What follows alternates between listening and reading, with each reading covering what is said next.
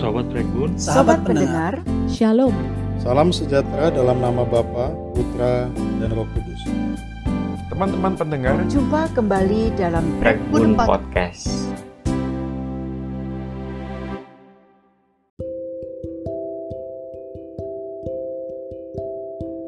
Halo teman-teman pendengar, kembali lagi di Breakbun Podcast di segmen Hikmat Surgawi.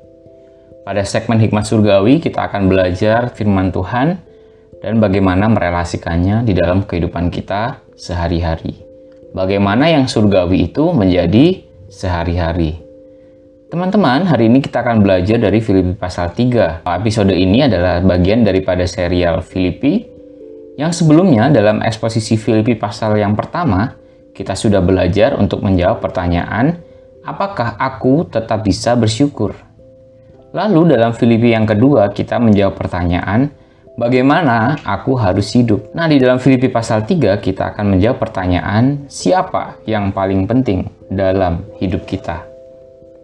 Coba teman-teman bertanya pada diri sendiri pertanyaan ini.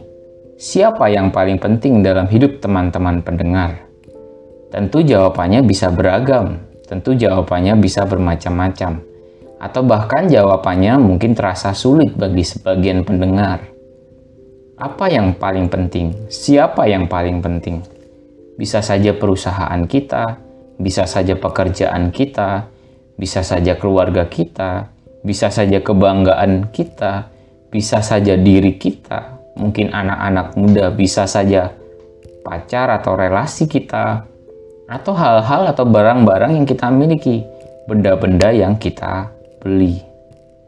Teman-teman pendengar, sebelum kita menjawab pertanyaan ini dari Filipi pasal 3, saya mengusulkan teman-teman membaca Filipi pasal 3 terlebih dahulu, atau bila tidak sempat, teman-teman bisa membacanya nanti setelah mendengarkan penguraian ini dan teman-teman baca di lain waktu.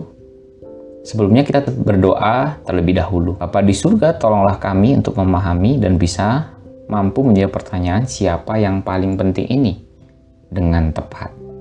Dalam nama Tuhan Yesus kami berdoa. Amin. Teman-teman, Filipi pasal 3 ditulis oleh Rasul Paulus di mana saat itu ia menghadapi orang-orang Yahudi yang dianggapnya sebagai orang-orang yang dikatakan di ayat kedua pekerja-pekerja yang jahat.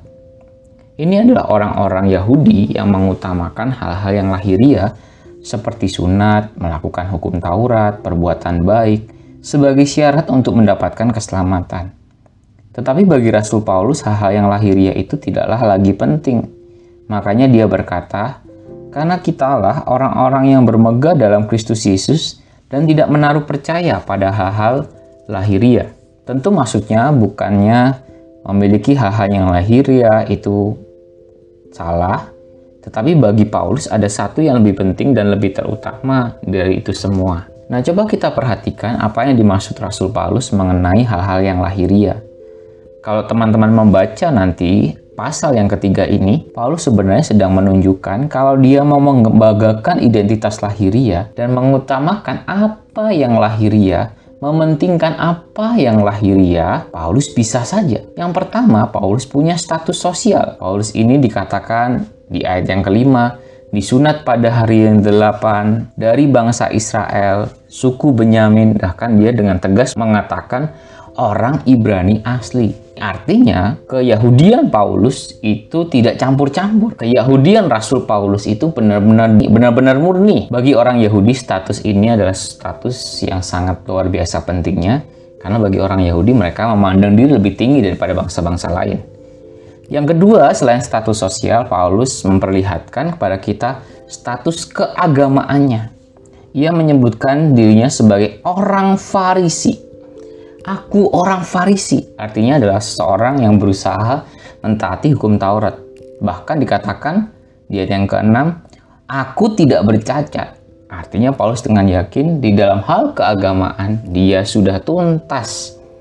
Dia sudah luar biasa melakukan itu sehingga standar orang pada saat itu ia mengenapi semuanya. Yang ketiga, bicara tentang status pendidikan. Paulus itu bisa bahasa Yunani.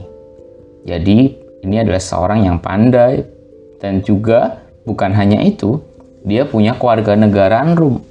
Bagi orang waktu itu, keluarga negaraan itu harus dibeli dengan sangat mahal. Misalnya pada zaman sekarang, kalau teman-teman mendengar orang Indonesia yang mau menjadi warga negara uh, lain, tentu bukanlah sesuatu hal yang mudah. Perlu banyak hal yang harus dilakukan dan itu sesuatu yang tentu saja mahal baik secara upaya atau secara uang. Nah, Paulus bisa dan Paulus memiliki keluarga negaraan Rum. Artinya seorang Rasul Paulus ini adalah seorang yang punya status sosial, status keagamaan, status pendidikan yang sangat istimewa bagi orang pada saat itu. Tetapi bagi Rasul Paulus, menariknya di ayat yang ke-7 dia berkata, Tetapi apa yang dahulu merupakan keuntungan bagiku, yaitu berbagai macam statusnya, sekarang kuanggap rugi karena Kristus. Kita kalau berjualan tentu cari untung. Kalau yang rugi tentu kita jauh-jauhi. Artinya bagi Rasul Paulus yang sebelumnya menjadi keuntungan itu yang sebelumnya dicari-cari orang itu tidak lagi menjadi pencarian yang utama bagi dia. Status sosial, status keagamaan orang baik yang tinggi, dan kepandaian itu bukanlah yang terbesar dan terutama lagi dan terpenting lagi di dalam diri Rasul Paulus. Lalu apa yang terpenting dan terutama dalam diri Rasul Paulus? Di ayat yang ke-8, malahan segala sesuatu kuanggap rugi karena pengenalan akan Kristus Yesus Tuhanku lebih mulia daripada semuanya itu. Oleh karena dialah aku telah melepaskan semuanya itu dan menganggapnya sampah supaya aku memperoleh Kristus. Perhatikan teman-teman pendengar, penting di sini adalah kata sampah. Apa yang teman-teman pikirkan tentang sampah? Sampah biasanya identik dengan barang-barang tidak berguna. Sampah identik dengan barang-barang yang dibuang. Sampah identik dengan barang-barang yang tidak kita pakai. Artinya status sosial, status agama, status pendidikan dianggap sampah oleh Rasul Paulus, artinya dianggap tidak lagi berguna, tidak lagi penting. Ada yang lebih penting, yang berharga dan di, yang diperhatikan oleh Rasul Paulus, yaitu pengenalan akan Kristus.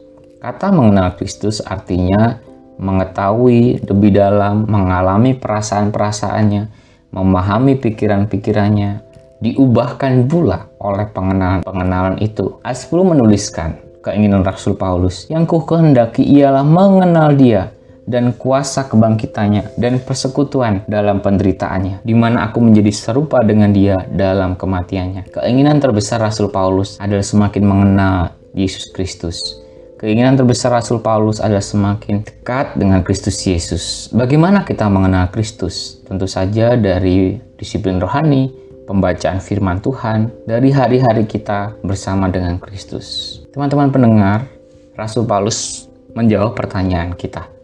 Siapa yang terpenting dalam hidup ini? Jawaban Rasul Paulus apa? Jawabannya adalah Kristus. Segala statusnya bagi Rasul Paulus dianggapnya tidak lagi penting. Yang terpenting adalah Kristus dan pengenalan akan Kristus.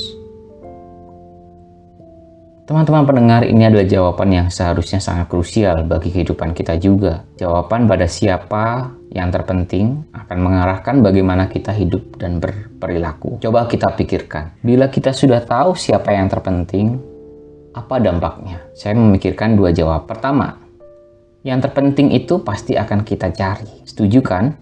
Kalau yang terpenting pasti kita akan cari. Misalnya kalau yang terpenting itu adalah uang, maka kita akan cari terus-menerus. Kalau yang terpenting itu adalah kebanggaan diri kita, maka kita akan cari terus-menerus kebanggaan diri kita. Bila yang terpenting itu adalah penerimaan orang lain, maka kita akan cari terus-menerus penerimaan orang lain. Bila yang terpenting itu keluarga, tentu kita akan merawat keluarga kita. Suatu kali saya kehilangan atau tertelisut kunci rumah. Saya lupa menaruhnya di mana. Lalu saya cari di segala macam tempat yang saya bisa pikirkan sampai kunci itu ketemu. Kenapa saya cari kunci rumah sedemikian penting? Karena itu adalah penting. Tanpa kunci rumah saya tidak bisa membuka pintu, bukan? Yang terpenting pasti akan kita cari. Kalau Yesus adalah yang terpenting, maka kita akan mencari dia. Maka kita akan mencari dia sepenuh waktu. Maka kita akan mencari kehendaknya. Maka kita akan berusaha mengenal dia. Kalau yang terpenting adalah Kristus, mari carilah Kristus. Yang kedua, yang terpenting seharusnya membuat kita menjadi tidak terlalu fokus pada apa yang kurang penting. Paulus tidak lagi fokus pada status sosial, status agama, dan status pendidikan. Paulus fokus pada pribadi Kristus, pada kesenangan Kristus. Nah, teman-teman, banyak hal sebenarnya muncul dari kesalahan fokus kita. Kekhawatiran munculnya saat kita fokus pada apa yang kurang penting.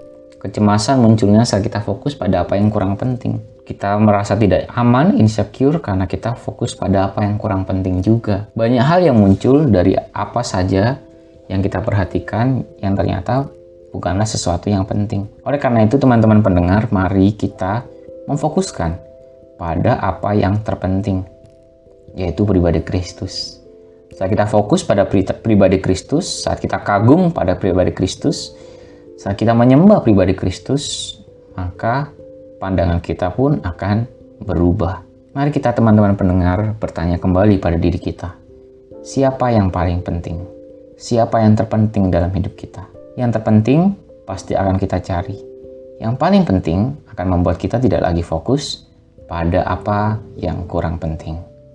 Demikianlah firman Tuhan, demikianlah hikmat surgawi pada hari ini. Carilah apa yang penting. Jangan lagi fokus pada apa yang kurang penting. Tapi sebelum itu, jawab pertanyaan ini. Siapa yang paling penting?